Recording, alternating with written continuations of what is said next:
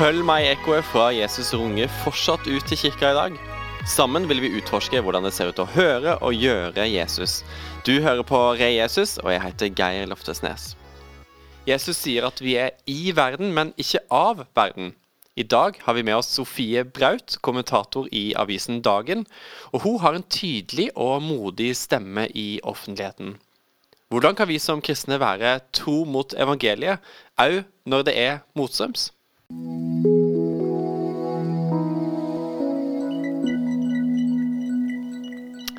Sofie. Takk for at du er med oss i denne episoden. Er du klar? Jeg er klar. Det var veldig kjekt å bli invitert. Så fint. Det er jo litt, eh, Vi syns det er litt artig å bli litt eh, kjent med gjestene våre, og på en litt annerledes måte. Så nå skal jeg gi deg et spørsmål. Eh, og se for deg, eller Finn fram til tre yrker som du tror du hadde gjort det ganske bra i, men som du aldri har hatt. Og det var spennende. Jeg tror jeg hadde Jeg tror jeg kunne vært en ganske god selger. Altså, Bare å si det fyller meg med litt sånn frykt, for det virker forferdelig med sånn oppsøkende salg. Men her skulle vi ha tre yrker, altså. Um, Hva ville du ha solgt, da, hvis du skulle være selger? Jeg Støvsugere? Du måtte solgt noen veldig gode bøker, eller kanskje noen sånn eh, sånne eh, egenpleieprodukt. Så jeg kunne girt meg Ja, veldig godt du. Ja, ja, så. Så det, det kunne vært, vært veldig kjekt. Men ellers så tror jeg jeg hadde Jeg, jeg tror det fort jeg kunne vært en sånn eh, god resepsjonist òg, faktisk. Jeg eh, liker godt å ta imot folk og gjøre sånn konkrete oppgaver har jeg òg veldig sånn glede av. Selv om jeg gjør veldig mye tankearbeid, så kan jeg av og til drømme om bare helt sånn konkrete tydelige oppgaver. Så du vet liksom når, når eh, jobben er gjort, så er den virkelig gjort. Um, ja, så det er iallfall et par ting. Og jeg kunne helt sikkert ha likt å dreve med andre ting. Jeg har liksom alltid drømt faktisk om å være musikalske. Ja, så se og liksom Ja. dirigert f.eks. et symfoniorkester. Oi! Det måtte vært helt fantastisk. Det er jo Så veldig gøy. Liker du klassisk musikk? liker veldig godt klassisk musikk. Ja, så fint. Du, Sofie, du har turt å ta en tydelig og modig stemme i offentligheten. Når var forrige gang du var redd for hva andre måtte mene om det du står for? Oi, det er ikke lenge siden sist. Um, Er det sant? Ja, altså, jeg er redd og redd. Jeg, jeg vil kanskje, kanskje tone det litt ned, men at en tenker litt på hva eh, Ja, altså nå i disse dagene her, eh, med tanke på Israel, eh, eh, situasjonen i Israel og, og i krigen mot Hamas, så tror jeg Jeg er ikke akkurat redd for hva folk tenker om det jeg står for, for det tror jeg jeg, jeg kan bære ganske greit. Men det å i en norsk kontekst å, å bringe fram eh, perspektivet fra et eh, Israels venn-standpunkt. Eh, og det å se konflikten eh, i, i et eh, liksom, perspektiv der en ønsker å løfte fram eh, jødene sin situasjon. Eh, jeg, jeg, tror jeg bekymrer meg mer for det å bli misforstått. At en ikke bryr seg om eh, sivile mennesker på Gazastripen, f.eks. At en er kald, at en er hjerteløs. Eh, det, det, er det kan fylle meg med litt eh, uro.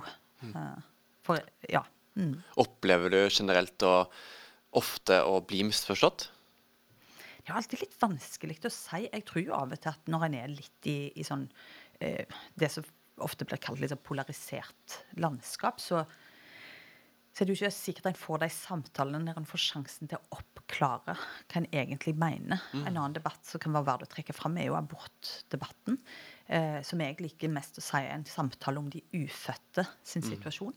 Eh, og det er jo en sånn en, eh, samtale der en kanskje ikke ofte nok da, sitter ned i lag med noen som, som ser det helt annerledes, og der en får ja, snakket om hva en egentlig mener, og oppklart ting, eller fått gjort seg forstått. da. Ja. Men du har jo sjøl sagt i et intervju at du er ikke redd for å være kontroversiell. Hvorfor velger du å bruke denne stemmen din? Opplever du det som et kall? Kall er jo alltid et veldig stort ord, men samtidig et ord jeg, jeg tror vi må våge å håndtere litt mer. Eh, Ja, kanskje jeg har Jeg har nå følt en god del ganger at eh, eh, at nettopp det at jeg kjenner bare at det er ting jeg må gjøre. Jeg får liksom ikke fred før jeg har, har gjort det. Eh, ofte er det knytta til å skrive ting. Eh, det gjør nok at jeg eh, Ja, det fører meg jo ut i en del situasjoner. Og, jeg, og da må jeg jo bare si at jeg er langt mer redd for å ikke adlyde det kallet, eller ikke være eh, lydig hvis jeg kjenner på den eh, Hvis jeg kjenner på at det, dette er veldig viktig, at det er et perspektiv som kommer fram, f.eks., eh, enn å bli upopulær. Eh, og eh, kanskje òg enn å bli misforstått, selv om det òg er Det er jo ubehagelig å bli misforstått eller føle at en ikke når igjennom. Men jeg tror det er jo, Som kristne er vi jo ikke på en måte forespeilt en situasjon der vi alltid blir rett forstått. Eh, det er liksom som det har blitt sagt, sant? En, en marsjerer etter en litt annen takt. da. Eh, og det må en våge å gi seg over til som, som kristen, ellers så er, tror jeg fort en ja, jeg kommer litt sånn på tynn is hvis den egentlig ikke har eh, kanskje trua som en slags øverste autoritet eller, i livet. Mm. Ja, hva mener du med det om at man ikke er blitt forespeila disse tinga? Altså, eh, har du utgangspunkt i Bibelen, da, eller kirkehistorien, eller eh, hva Ja. ja bra spørsmål. Altså, jeg tenker nok litt begge deler. At eh, ja, ikke minst, det, det, er kanskje litt det perspektivet vi har fra en velstandskristendom. Altså vi, vi, som er kristne eh, og har Ja. Eh, her i Norge, f.eks. Vi, vi har jo hatt det veldig komfortabelt i mm. forhold til for eksempelvis trussøsken andre plasser i verden. Det er jo eh, litt sånn enkelt å se. Men eh, komforten har mange gode sider, da, så det er liksom ikke sånn poenget at en skal plent søke fattigdom. Altså ingen får det bedre om jeg får det verre, på en måte. I den forstand. Men, men jeg tror at, eh, at, livet som kristne beskrevet, spesielt i Bibelen, som et liv i, eh, som en fremmed og utlending på mange vis i forhold til kulturen rundt seg. Eh, det er nok noe vi glemmer litt av. Vi blir fort veldig opptatt av hva det sekulære samfunnet er opptatt av. Jeg ivrer jo veldig for at vi skal bli opptatt av å glede oss over det som er spesielt for den kristne trua. Hm. Tilbake litt til dette her med å være en annerledes stemme og bli misforstått. Det å være mørkemann det er jo en merkelapp som menn med typisk klassisk kristen teologi og kanskje en bestemt fremgangsmåte har fått. Eh, det kan, mulig å, det kan definere det begrepet på en annen måte, men har du noen gang blitt omtalt som mørke kvinne? Jeg har vel det. Jeg, jeg husker f.eks. For, for et uh, godt års tid siden så traff jeg uh, nå avdøde faktisk i midlertida uh, Tom Christiansen. Tidligere NRK-reporter, en sånn legende i NRK-sammenheng. Og jeg var litt sånn ja, jeg var mest litt sånn starstruck av å treffe han. Han var veldig hyggelig, og vi ble egentlig gode venner på veldig korte tid. Men han sa jo da han skulle gjøre litt sånn research om meg borte i Oslo. Og da fant han fort ut at jeg var sånn mørkekvinne, da. Så, så, ja, det er nok noen som har, eh, har, litt den merkelappen der på meg. Det må jeg bare, tror jeg, leve det greit med. Mm. Mm. Eh, for det syns jeg eh, altså, Man kan jo utbrodere dette kjønnsaspektet eller minimere det, men, men, tror du det har vært lettere eller vanskelig for deg å være eh, kvinne og ha denne motstrømsstemmen i offentligheten? det er et veldig interessant spørsmål. Jeg, jeg, ikke, på en måte, jeg vet jo ikke helt hvordan det oppleves å ikke være det, men, men jeg, jeg, tenker nok at kanskje fordi at det er veldig få egentlig litt sånn outspoken eh, konservative kvinner, hvis jeg kan si det litt sånn enkelt, da, så, så har nok det gitt meg kanskje litt mer plass. Det er ikke så mange som vil ta den plassen. Jeg eh, hadde jo en veldig interessant opplevelse i en, eh, en for å kalle det abortdebatter, selv om jeg ikke liker så godt å bruke det uttrykket. Der jeg ble bedt om å, å komme det, eh, En av gangene jeg var i Dagsnytt 18, og der jeg egentlig ga en lang liste til hun som ringte meg første gangen, på andre folk jeg tenkte som hadde en høy, litt høyere posisjon, rent sånn teologisk og formelt, som jeg tenkte var, var bedre egnet til å stille opp i den debatten. Og da ringte faktisk eh, denne NRK-dama meg opp igjen på mandagen, dette var på en fredag, mandagen etterpå, og sa du, jeg har ringt rundt til deg du spurte, men ingen vil har du fremdeles lyst til å stille? Og da tenkte jeg oi, her er det litt for god plass. Men uh, da stilte jeg. Mm. Så bra. Og da stilte du. Og det, det er jo noe som har kjennetegna du, at du har turt å, å være i, i, disse krevende temaene. Eh, I hvilken grad tror du at eh, kristnes ønske om å være sosialt oppegående, aksepterte, tilpasningsdyktige, fratar andre mennesker muligheten til å se og høre evangeliet? Stort spørsmål, altså. Jeg, jeg, tror jo på en måte at eh, Ja, jeg, jeg, jeg tror det iallfall er vanskelig å si akkurat i hvilken grad, men jeg tror iallfall det ligger et veldig alvor i det spørsmålet du stiller, som jeg òg har tenkt eh, ganske masse på. Um, vi blir veldig ofte opptatt av eh, det folk rundt oss er opptatt av, det samfunnet ellers er opptatt av. En skal liksom være oppdatert, som du sier, og, og føle at en må følge med kanskje på alle nye serier og alt nytt som kommer. Det, det, er jo noe fint i det, den der dobbel lyttinga, som en eh, ofte kaller det innenfor apologitikken. Der både lytter til samfunnet og lytter til, til Guds ord. Men syns jeg av og til det er en forskyvning i det som gjør meg litt urolig for at ikke bare folk går glipp av å høre evangeliet, men kanskje vi sjøl går glipp av å leve i liksom den fylden som et liv i, liksom, i midt i eh, livet med Gud er. Eh, det å leve med å høre Åndens stemme og bli leda eh, i små og store ting i hverdagen, det er jo en rikdom så jeg av og til tror òg på en måte kristne går litt glipp av fordi at en skviser så akkurat den delen. For en vil liksom vise at en er ganske normal, selv om en er kristen. Ja, en er jo på en måte det, og samtidig er en veldig veldig annerledes. Kanskje vi har underspilt litt, spesielt de eh, åra tenker jeg sjøl var, var, ungdom på, på 90-tallet og fram til nå. At det har, har liksom blitt eh, litt for Ja, kanskje det er tid for noe annet. Jeg har til tenkt en tid for å virkelig omfavne det, det kristne livet. Og, og modellere at det virkelig er et annerledes liv. At det er noe veldig attraktivt, tror jeg, for folk rundt. Mm. Forrige uke så snakka jeg med ei som jobba i laget, din tidligere arbeidsgiver, og hun fortalte at hun på et læremøte hadde blitt presentert som en ekte kristen. Og litt sånn med glimt i øyet så tenkte hun at hun kunne tilby seg å bli tatt bilde av etterpå, skrive autografer osv. Og, så og jeg tror at det på mange måter påpeker det kristne kan kjenne på nå. At vi har nærmest blitt en kuriositet. Eh, og noen bruker eh, ord om at eh, klassiske kristne er ikke bare en minoritet, men at vi er nesten på vei ut i et type eksil i eget land.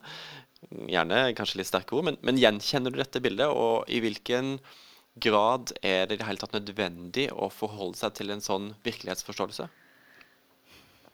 Ja, altså jeg, jeg gjenkjenner iallfall litt uh, av det der bildet med at en uh, Altså jeg, tenker eh, Når det gjelder det å vise at en lever et, et eh, annerledes liv, og, og, at kristen tro faktisk får konsekvenser for, for det livet en lever, da, så tror jeg jo det er noe av det som jeg nevnte tidligere, som gjør tro virkelig attraktiv for andre folk, og som kan skape en genuin nysgjerrighet på det. Hvis, hvis, vi blir oppfattet som noen som bare har litt sånn eh, åndelig strøssel liksom, på et eller sekulært liv, som jeg pleier å kalle det, så, så, blir det på en måte Det blir ikke så interessant. Det interessante er på en måte det som går dypt. Mm. Sekulært liv med åndelig strøssel. Det syns jeg var en artig eh, beskrivelse. Eh, og du snakker om at troa på mange måter er meint til å gå dypt. Hva vil du si er forskjellen mellom disse to? Forskjellen kanskje går litt på det med retning. Altså det at en, at en tar valg. og tenker liksom at mange valg jeg tar i løpet av hver dag, skal være påvirka av det faktum at jeg er en etterfølger av Jesus. Mm. Det, det jeg en sånn, det, det, gir en retning. Det skaper en bevissthet, tror jeg. da.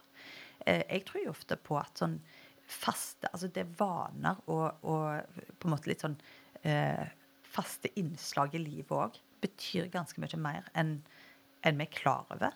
Og, og det der kun, altså, Hva det heter i boktittelen til Stian Kilde Aarebrot, 'Kunsten å forme livet'. Eh, altså det, det, er interessant, et interessant innsteg når det gjelder dette med å, å la vaner knyttet til trua mi liksom forme den jeg er. Eh, at den er opp, altså, Ofte blir på som mer sånn overfladisk med liksom bordvers og liksom, at en kan si 'Gud velsigne og sånne ting.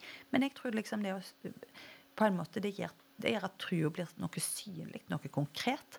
Jeg tror det betyr mer enn vi egentlig tenker over eh, en, god del ganger. Så jeg tror jo det å gå på dypet, ha gode fellesskap det å, eh, For meg er det helt åpenbart at å bruke tid med Bibelen mm. er noe av det, det aller, aller viktigste en kristen kan, kan gjøre, egentlig. Hvorfor det? Bare at uh, vi er et ordets folk. Uh, det er interessant å se på. Mange setter jo egentlig mange uh, I dag og de senere åra har det jo vært liksom vanlig å trekke opp nærmest et skille mellom Jesus, som var liksom god og kjærlig i praksis, sant? i forhold til en sånn kald studie av sitte der med nesen i Bibelen, liksom. Det er interessant å se hvor masse av tida til Jesus som gikk med til å undervise. hvor tett han knytta sitt eget oppdrag til, til ordet hvor, hvor viktig eh, ordet var for han helt fra starten av når han liksom tok oppdraget, når han reiser seg i synagogen og leser ifra, eh, ifra profeten. Og, og, helt til Emmausvandrerne, der han går gjennom eh, Moses og profetene for å forklare hva det er som har skjedd. Istedenfor å på en måte gå rett til hendelsene med korsfestelse og mange spektakulære ting han kunne trukket fram. Eh, så, så, måten Jesus knytter seg til ordet på, det bør virkelig være en modell for oss òg, tenker jeg. Ordet er jo en av eh, praksisene som vi skal dykke mer inn i senere, så kjempespennende. Dette med enhet syns jeg er ganske sånn interessant eh, si, fenomen i løpet av de siste la oss si 20 åra. Eh, kanskje vi skal gå lenger tilbake òg, men eh, jeg, jeg, opplever eh, at eh, Eh, at det er en helt annen grobunn for enhet. Og kanskje det har jo sammenheng med at vi har en felles identitet. Vi, nå er vi egentlig alle, andre, alle, annerledes. Vi har alle en annen herre i livet enn mange andre. Og det er lettere å søke sammen og, og finne sammen. Mm. Eh, du, deler du det synet, eller? Eh? Ja, det syns jeg er god oppsummering. Og for meg personlig så har det vært sånn at det, det å ta de stegene litt ut i en litt utsatt offentlig posisjon, iallfall til tider, da har jo gjort noe med mitt forhold til fellesskapet òg. For når en hvis, I den grad jeg har risikert det, altså det, det liksom ja, Men i den grad jeg har risikert noe f.eks. i en offentlig debatt, så kjenner jeg jo enda mer på at å, jeg trenger virkelig fellesskap. Eh, og det, det, tror jeg bare med, med, helt sikkerhet kan si at jeg, det har virkelig lært meg å elske fellesskapet mitt helt lokalt der jeg bor. Det å ha kristne søsken, det å stå i lag med andre, det, det har fått en helt uh, Ja, det har fått en helt umistelig plass i, i mitt liv. Da. Så, så, sånn sett så tror jeg nok det å våge litt mer for evangeliets skyld mm. vil påvirke oss alle når det gjelder forholdet vårt til fellesskap. At vi kjenner at vi er veldig sårbare hvis vi skal stå alene.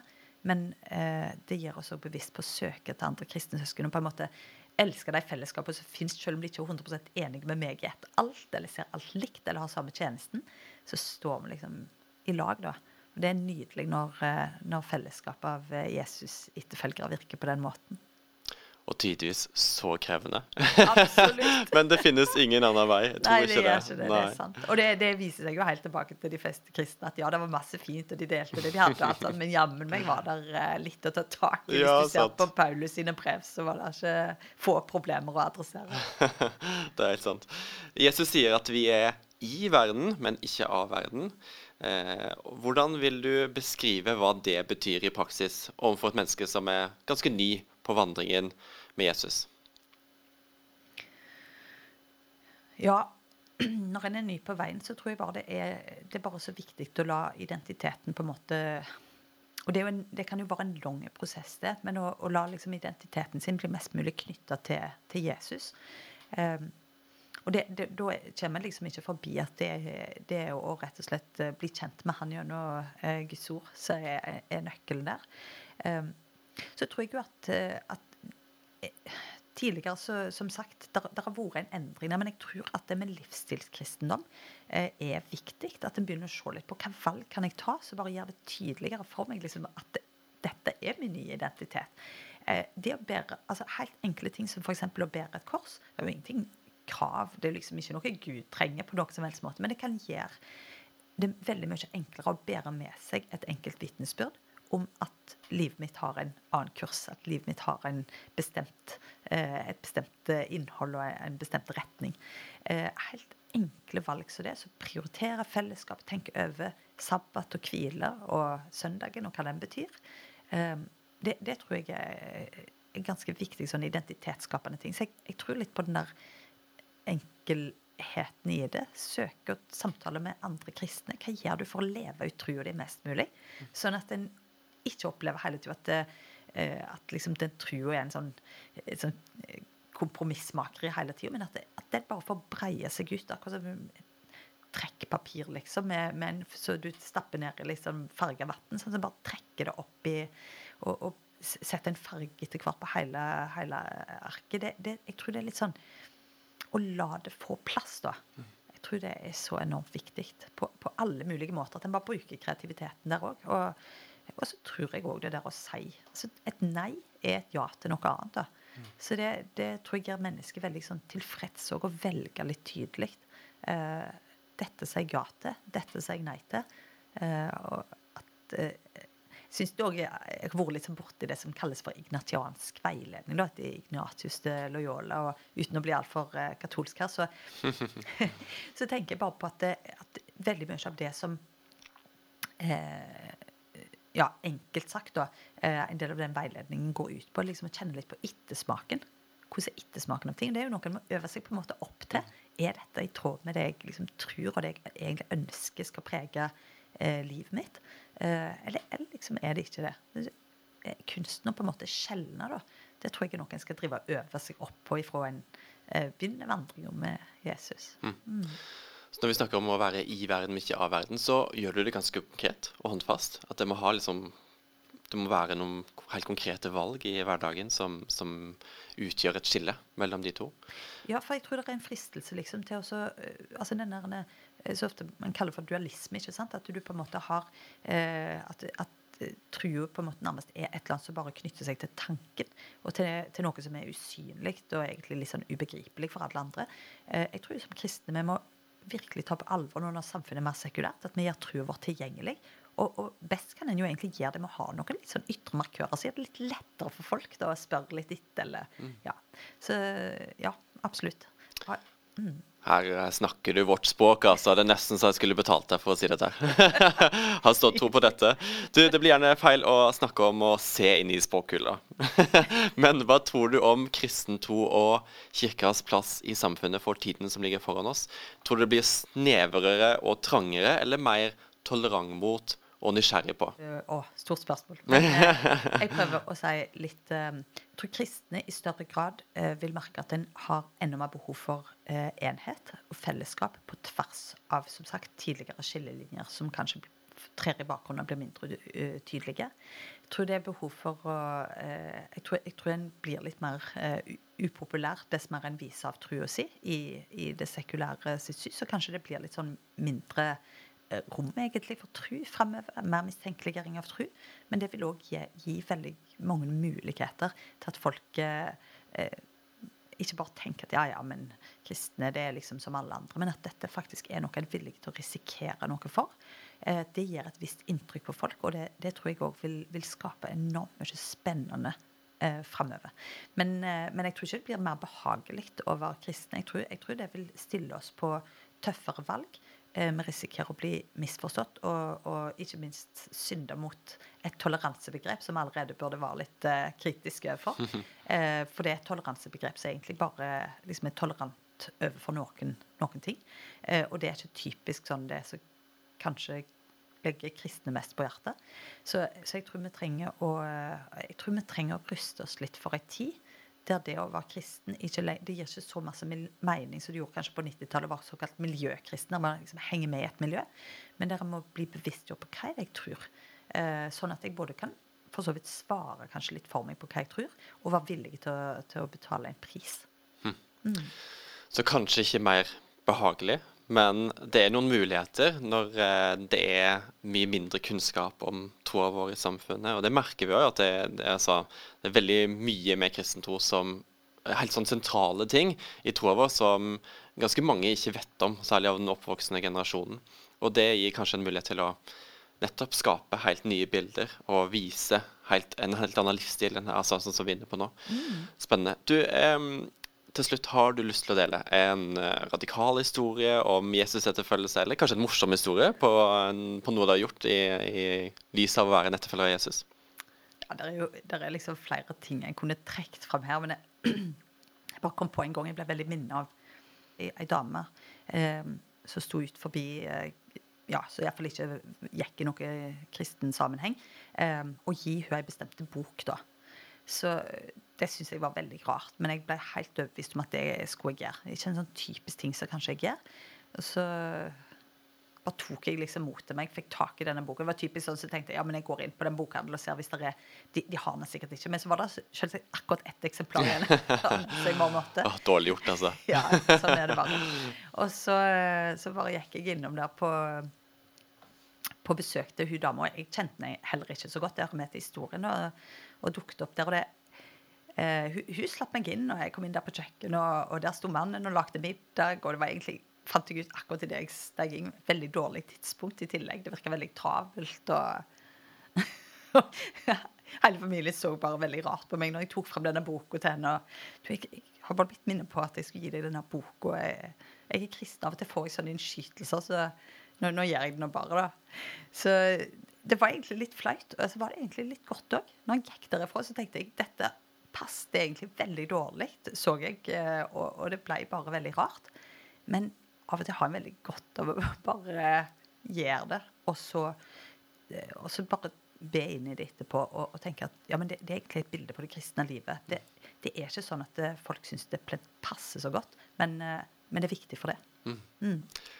Og noen ganger så er det, eller ofte så er det så befriende å ikke nødvendigvis ha fokus på fruktene heller. Men går det an å spørre om hvordan, eh, hvordan eh, hva, neste gang dere traff hverandre, hva skjedde da? Eller hva Nei, altså egentlig så må jeg si det er en av de tingene som jeg har lurt uh, litt på i ettertid. Det ble mm. ikke sånn veldig naturlig å snakke masse om det, men hun sendte meg en melding etterpå og sa at hun syntes det var veldig fint, mm. og at hun setter pris på boka.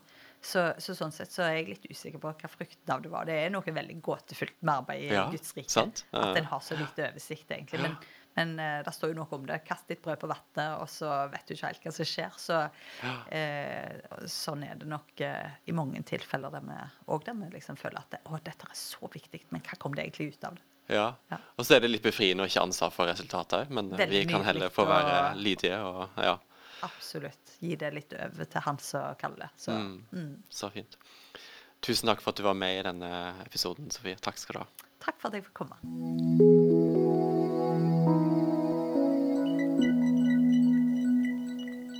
Det var Sofie Braut som på en veldig fin måte utfordra på å gjøre Jesuslivet konkret helt ut i hverdagen. Har du tips, innspill eller tilbakemeldinger, så send det gjerne til geir.imekirken.no, og sjekk ut eh, nettsida vår, rejesus.no, som oppdateres fortløpende. Likte du det du hørte? Tips noen om podden. Og da er det bare for meg å si vil du være med, så heng deg på!